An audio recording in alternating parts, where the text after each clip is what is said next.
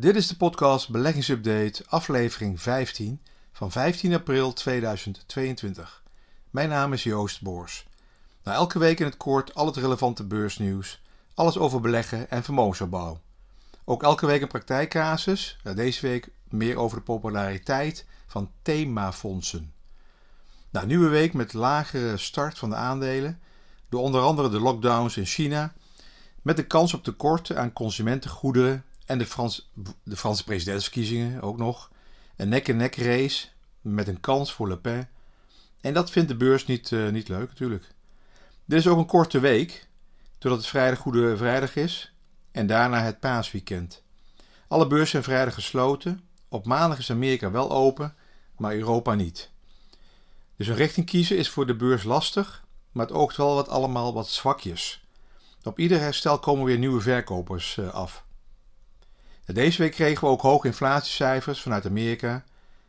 Maar wereldwijd is de inflatie hoog, dus niet alleen Amerika.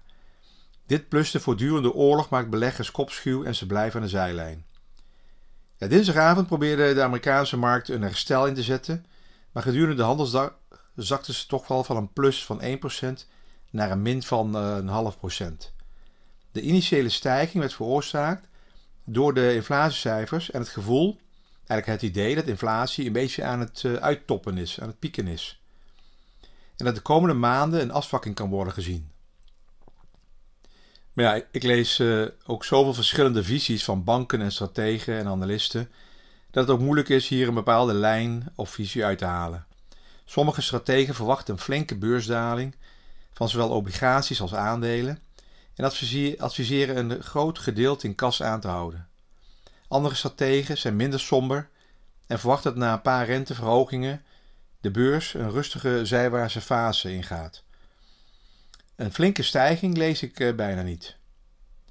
Het is een tijd dat de grote risico's nemen niet verstandig is. We nog even terugkomen op het eerste kwartaal, het resultaat van onder andere de AIX-index. De AIX-index daalde het afgelopen kwartaal met maar liefst 9%. Aandelen hadden inderdaad een tegenvallend kwartaal, maar ja, was het nou allemaal zo slecht wereldwijd als de daling van de AEX doet vermoeden? En nieuwe lockdowns door de opkomst van eh, de Omicron, hoogoplopende inflatie en de oorlog in Oekraïne. Beleggers kregen de afgelopen maanden veel te verwerken. Op de beurs werd het wereld weerspiegeld door erg bewegelijke aandelenkoersen.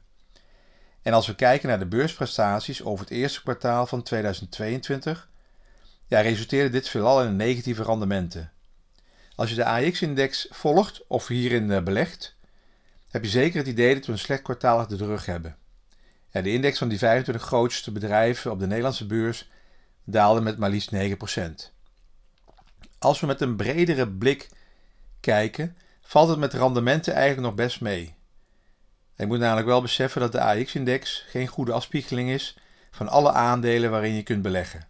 Het zijn er slechts 25 uit één land die zeer ongelijk zijn verdeeld over de verschillende sectoren. Ook tellen de uitgekeerde dividenden niet mee voor de AX-stand. Wereldwijde aandelen vertegenwoordigd in de MSCI All Country World Index daalden in het eerste kwartaal slechts met 3,3%. Dit is in euro's eh, dividenden netto herbelegd. Dat is natuurlijk nog steeds een verlies, maar lang niet zo groot als dat van de AX. De beurs in veel andere landen deden het namelijk wel soms een stuk beter. Een voorbeeld is eh, de Engelse beurs, de Britse Financial Times, eh, de FTSE 100 index steeg bijvoorbeeld met 2,2% in euro's. Ik zeg het wel vaker in mijn podcast, afleveringen. Beleggen is een lange termijn en een goede spreiding van het vermogen. De belangrijkste les die we hieruit kunnen trekken is natuurlijk: ja, spreid je beleggingen liefst wereldwijd over verschillende regio's en sectoren. En beleg ook in meerdere beleggingscategorieën, zoals obligaties, vastgoed en grondstoffen, naast aandelen. Zo spreid je ook de risico's. Net als aandelen hadden obligaties een zwak eerste kwartaal, maar grondstoffen deden bijvoorbeeld heel erg goed. En mijn eigen obligatieportefeuille daalde ook met 3%, eh, behalve het kleine deel in een inflation-linked indextrekker, deze had ik in de portefeuille en die steeg met 4% dit kwartaal. Oké, nu gaan we naar eh, een stukje theorie en een praktijkcasus. Dus als praktijkcasus wil ik deze week hebben over de belangstelling voor themafondsen. Dat zijn beleggingsfondsen die in een bepaalde thema. En dit doe ik aan de hand van een onderzoek van uh, Morningstar. Ja, die belangstelling voor beleggers voor themafondsen is enorm toegenomen de laatste jaren. Daardoor is het steeds lastiger geworden om er eentje te kiezen. Vaak zijn de prestaties op lange termijn mager vergeleken met een brede index. Zo blijkt uit het onderzoek. De interesse voor themafondsen blijft maar groter en groter worden. Dat lijkt wel een stukje marketing. En daarmee ook het aanbod. Want ook de aanbieders van zulke fondsen zien hun uh, kansen.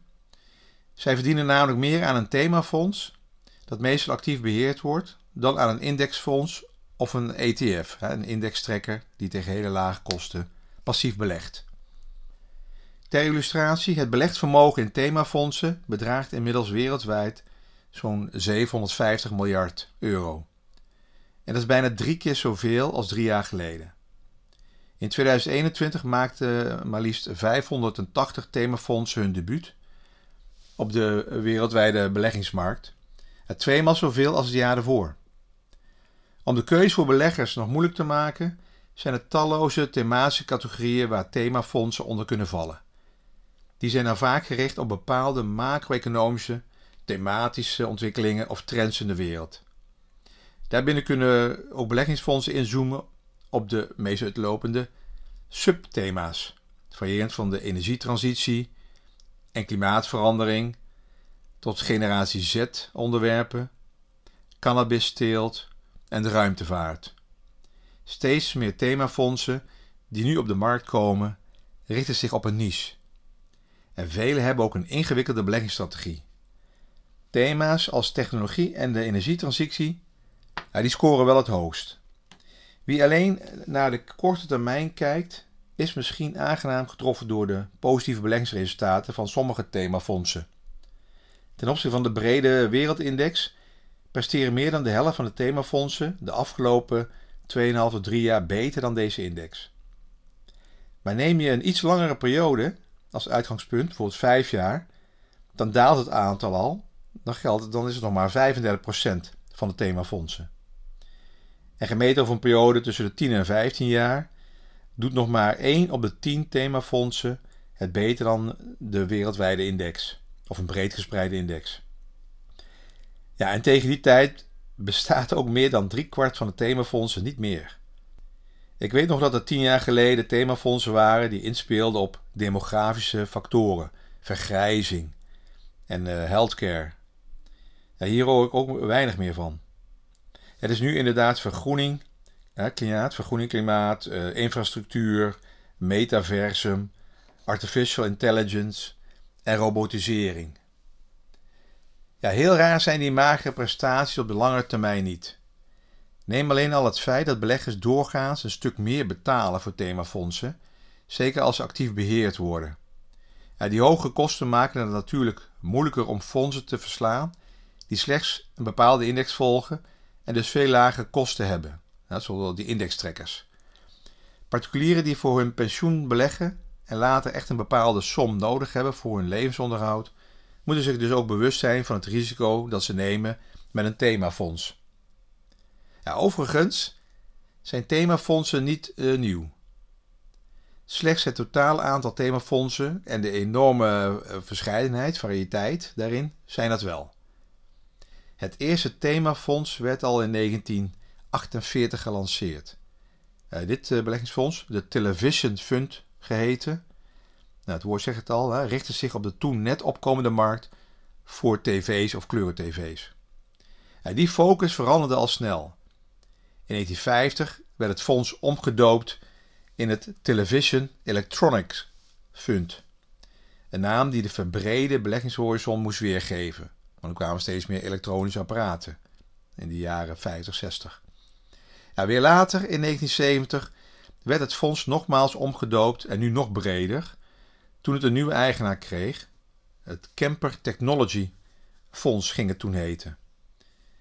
Ja, dit lot waarbij een themafonds zijn focus steeds verlegt en zich al gauw niet meer richt op een niche of zeer specialistisch deelonderwerp, maar zich breder gaat oriënteren is een nog altijd bekend fenomeen. Ook de gerichtheid op zogenaamde groeiaandelen die u nu ziet bij themafondsen is niet nieuw. Nou, dat concept was al populair in de jaren 50 van de vorige eeuw, vlak na de Tweede Wereldoorlog. En halverwege de jaren 50 bestond er al een hele sliert themafondsen die zich op nieuwe technologieën concentreerden. Ja, de geschiedenis herhaalt zich. Destijds bijvoorbeeld, in die tijd, had je bijvoorbeeld themafondsen als de Atomic Development Mutual Fund, de Science and Nuclear Fund en de Missiles, Rockets, Jets en Automation Funds. Nou, passend bij de toen opkomende trend van nucleaire beveiliging, energievoorziening en raketten. Ja, dus uh, en rond het begin van deze eeuw richtte één op de drie themafondsen zich op de digitale economie. 1998, 2000, de opkomst van internet en uh, de internethype. Het, toen was het echt een modeonderwerp. Van elk 50 fondsen die zich hierop richten, bestaan er gemiddeld nog maar slechts vijf. Zo blijkt uit het uh, Morningstar rapport. Nou ja, een lang verhaal over themafondsen, maar zo leer je ook wel eens wat anders vanuit de beleggingsfondsenindustrie, want het is gewoon een industrie.